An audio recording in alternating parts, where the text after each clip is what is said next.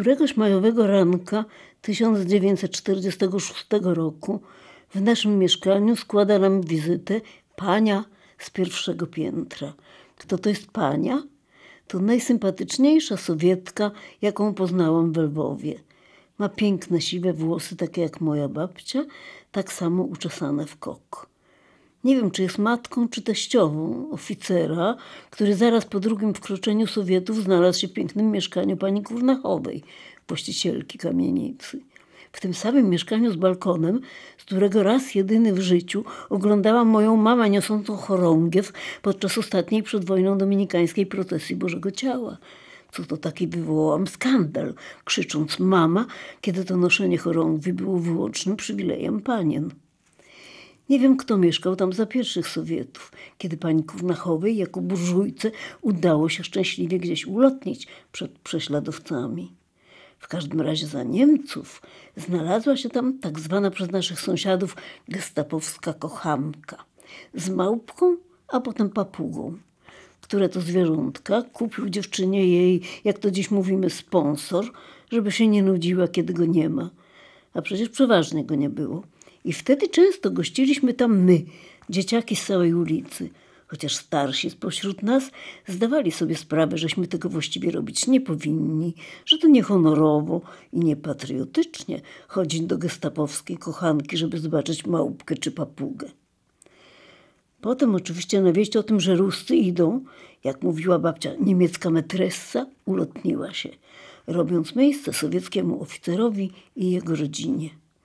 Oficera i jego żony prawie nigdy w domu nie było, natomiast bliższą znajomość zawarłyśmy z babcią i jej wnukiem Edikiem. Ale były to dwie zupełnie różne osobowości. Moja babcia się dziwiła, jak się taka dama w ogóle uchowała podczas rewolucji, jakim cudem. A babcia wiedziała, co mówi, bo nie mogła przeboleć losu swojej siostry, która przed I wojną światową wyszła za mąż za Polaka z Sewastopola, już nie wiem, czy jakiegoś wysokiego urzędnika, czy może przemysłowca, i po rewolucji przestała dawać znaki życia. Więc babci zdanie o rewolucji było ugruntowane i pania była dla niej przedstawicielką świata, który został zniszczony. Zresztą rzeczywiście ona jedyna spośród wszystkich Rosjanek, jakie przewinęły się przez naszą kamienicę podczas obu okupacji, była jedyną, która do sąsiadek nie zwracała się przez wy, ale przez, no właśnie, nie przez pani, ale pania. Pania! Tak wołała. Dlatego tak ją ochrzciłyśmy. Pania była damą jeszcze z innego powodu, mianowicie grała na fortepianie. Wprawdzie przyjechała do Lwowa bez fortepianu, ale rychło przywieziono jej jakiś biedny, trochę pogruchotany instrument, bez dwóch przednich nóg, być może utraconych podczas jakiegoś nalotu. Za to tani. Kosztował zaledwie 100 rubli, jak mi zdradził wścibski Edik, który pod względem manier swojej babci do pięt nie dorastał i według mojej babci był niezłym przykładem tego, co z rosyjskiej inteligencji zrobiła rewolucja. Z kalekim fortepianem pania poradziła sobie bardzo praktycznie, bo z obu stron podstawiła pod klawiaturę dwa krzesła. A drugie dwa umieściła przed klawiaturą i zaprosiła mnie, żebyśmy sobie pograły na cztery ręce. I grało się naprawdę bardzo sympatycznie. Natomiast z Edikiem, młodszym ode mnie o trzy lata, graliśmy u nas w Barcaby albo bawiliśmy się w sklep, w szkołę czy w dom. Oczywiście Edik najbardziej lubił zabawę w dom, bo kiedy były w tej zabawie posiłki, babcia naprawdę dawała nam coś do zjedzenia, choćby kromeczkę posmarowanego chleba i już to była rozpusta. Zresztą jedna z jego odzywek funkcjonowała w naszej rodzinie aż do końca życia mojej mamy – bo kiedyś, inicjując zabawę w dom, zakomenderowałam: No, Edik, idziemy spać. A na to on: Idziemy spać, a kuszać nie będziemy? I tak nam to po nim zostało. No więc któregoś majowego ranka, kiedy już było wiadomo, że w czerwcu wyjeżdżamy, przyszła do babci pania z grzecznym pytaniem, czy nie sprzedawaby jej jakichś mebli. Poczułam się, jakbym stała nad własnym grobem, chociaż miałam dopiero 12 lat. Wyszłam, nie mogłam tego słuchać.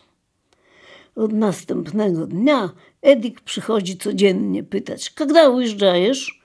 Tak mu pilno do mojej kanapy i etażerki, smarkacz bezczelny. Ale jeszcze ciągle chce się bawić w domu, bo chętnie by coś zjadł z kuchni mojej babci. O nie, figa z makiem, z pasternakiem, to za dużo, to niezdrowo. Już nie umiem się z nim bawić, skończyły się zabawy. Wciąż tylko kagda i kagda. Kagda to wiadomo, 11 czerwca, nieodwołalnie. Ale dokąd? Mama z babcią zaczynają konferencję, jak się spakować i do czego. Porcelanę japońską i klosz panny Zadurowiczówny mama postanawia zapakować do babcinego kufra pomiędzy swoje futro i babciną czarną pelisę. Lonia, ty chcesz brać ten klosz? Był się Boga. No przecież obiecałam pannie Joasie, że się nim zaopiekuje. On taki misterny, taki wyjątkowy. Zresztą, a nuż się na zachodzie spotkamy? Ale gdzie, mamusiu, gdzie się spotkamy? Dokąd my właściwie jedziemy? My? A wiesz? Mama się zastanawia. Wiesz, że nie wiem. Jak to nie wiesz? No nie wiem skąd ma wiedzieć. Jak to, mama? Marysiu. Mama podnosi głowę z nad kufra. Bardzo rzadko mówi mi Marysiu. Ma swoje ulubione zdrobnienia, ale kiedy mówi Marysiu, to wiadomo, że to ma być wypowiedź nadzwyczajna albo że po prostu jest zniecierpliwiona. Marysiu, czy ja się prosiłam o wyjazd z Lwowa? Czy mnie się w Lwowie znudziło? Nikt się mnie nie pyta, czy ja chcę jechać i dokąd. Nigdzie nie chcę jechać. Transport jedzie i już. Chodzi tylko o to, żeby jechał przez medykę, a nie przez rawę ruską, bo przez rawę ruską to potrafi jechać nawet miesiąc. A skąd ty to wiesz? Bo piszą do mnie ludzie, co wyjechali. Państwo Dałmowie, Marysia Brojakowska. A dokąd wyjechali? W świat za oczy, mówi babcia. Tak mówiła zawsze, kiedy mi opowiadała bajki o sierotach wypędzanych przez złe macochy. Mama, ale mów poważnie. Mówię poważnie, nie wiem. Zrozum, Maryśka, nie wiem. Nie wiem. Jak będziemy jechać przez Kraków, to może się transport trochę zatrzyma. Możemy wysiąść w Krakowie i pójść do Daumów, zobaczyć, jak wygląda to osiedle purowskie. Mam przecież adres. No i w Krakowie jest ciocia Marysieńka na ulicy Świętego Krzyża, to bardzo blisko dworca. A jak nie w Krakowie? We Wrocławiu jest Marysia Brojakowska. No to co? Napisała, że będzie wychodziła na dworzec co drugi dzień. No to gdzie mama? Oj, Maryśka, przestań nudzić, czepiła się. Dokąd i dokąd? Jak pojedziesz, to zobaczysz. Mama jest wściekła.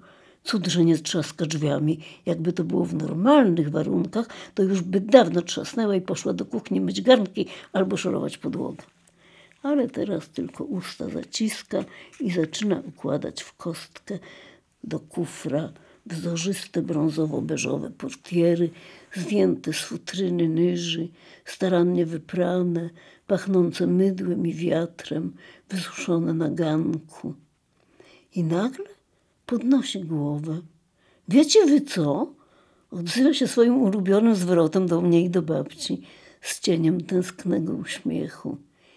Jakby się ktoś mnie naprawdę pytał o zdanie, to ja bym najchętniej pojechała do Gdańska.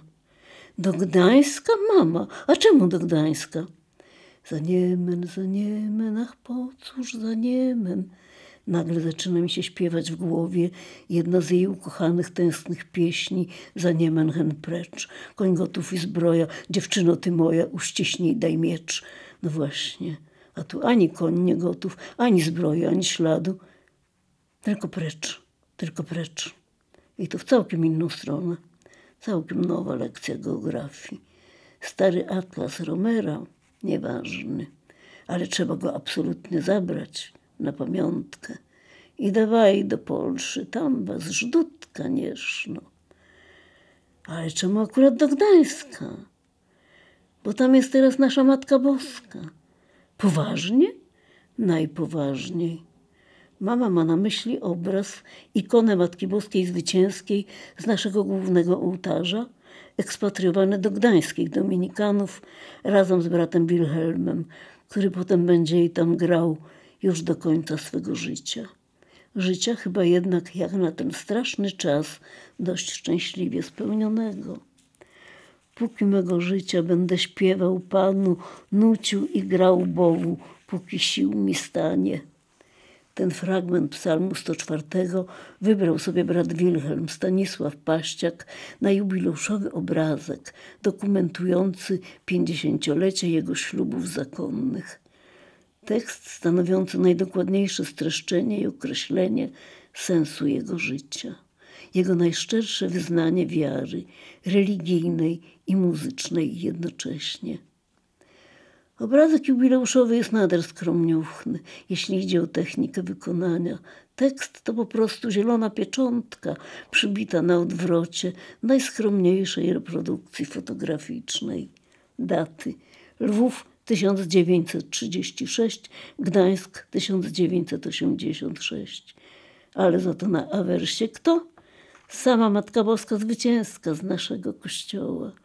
Brat Wilhelm, jej najwierniejszy rycerz i trubadur, przysłał mi ten swój obrazek razem z listem, który już kiedyś cytowałam, a w którym mi wyznawał, że radość grania i śpiewania Panu osładzały mu ciężkie nieraz do zniesienia trudy życia zakonnego i że gdyby nie muzyka, to nie wiadomo, czy by wytrwał w powołaniu. Poznany przeze mnie po latach we wrocławskim kiku dominikanin, ojciec Józef Puciłowski, z pochodzenia po matce półwęgier, a z wykształcenia doktor historii, który wstąpił do zakonu po czterdziestce, powiedział mi kiedyś, że brat Wilhelm to najsympatyczniejszy mnik dominikański, jakiego kiedykolwiek spotkał. Bo według Gandiego ptaki, których przestrzenią życiową jest niebo, śpiewają – a prawdziwa liturgia, jak dodaje Józef Ratzinger, wznosząc ku górze serce człowieka, sprawia, że umilkła pieśń odzywa się w nim na nowo.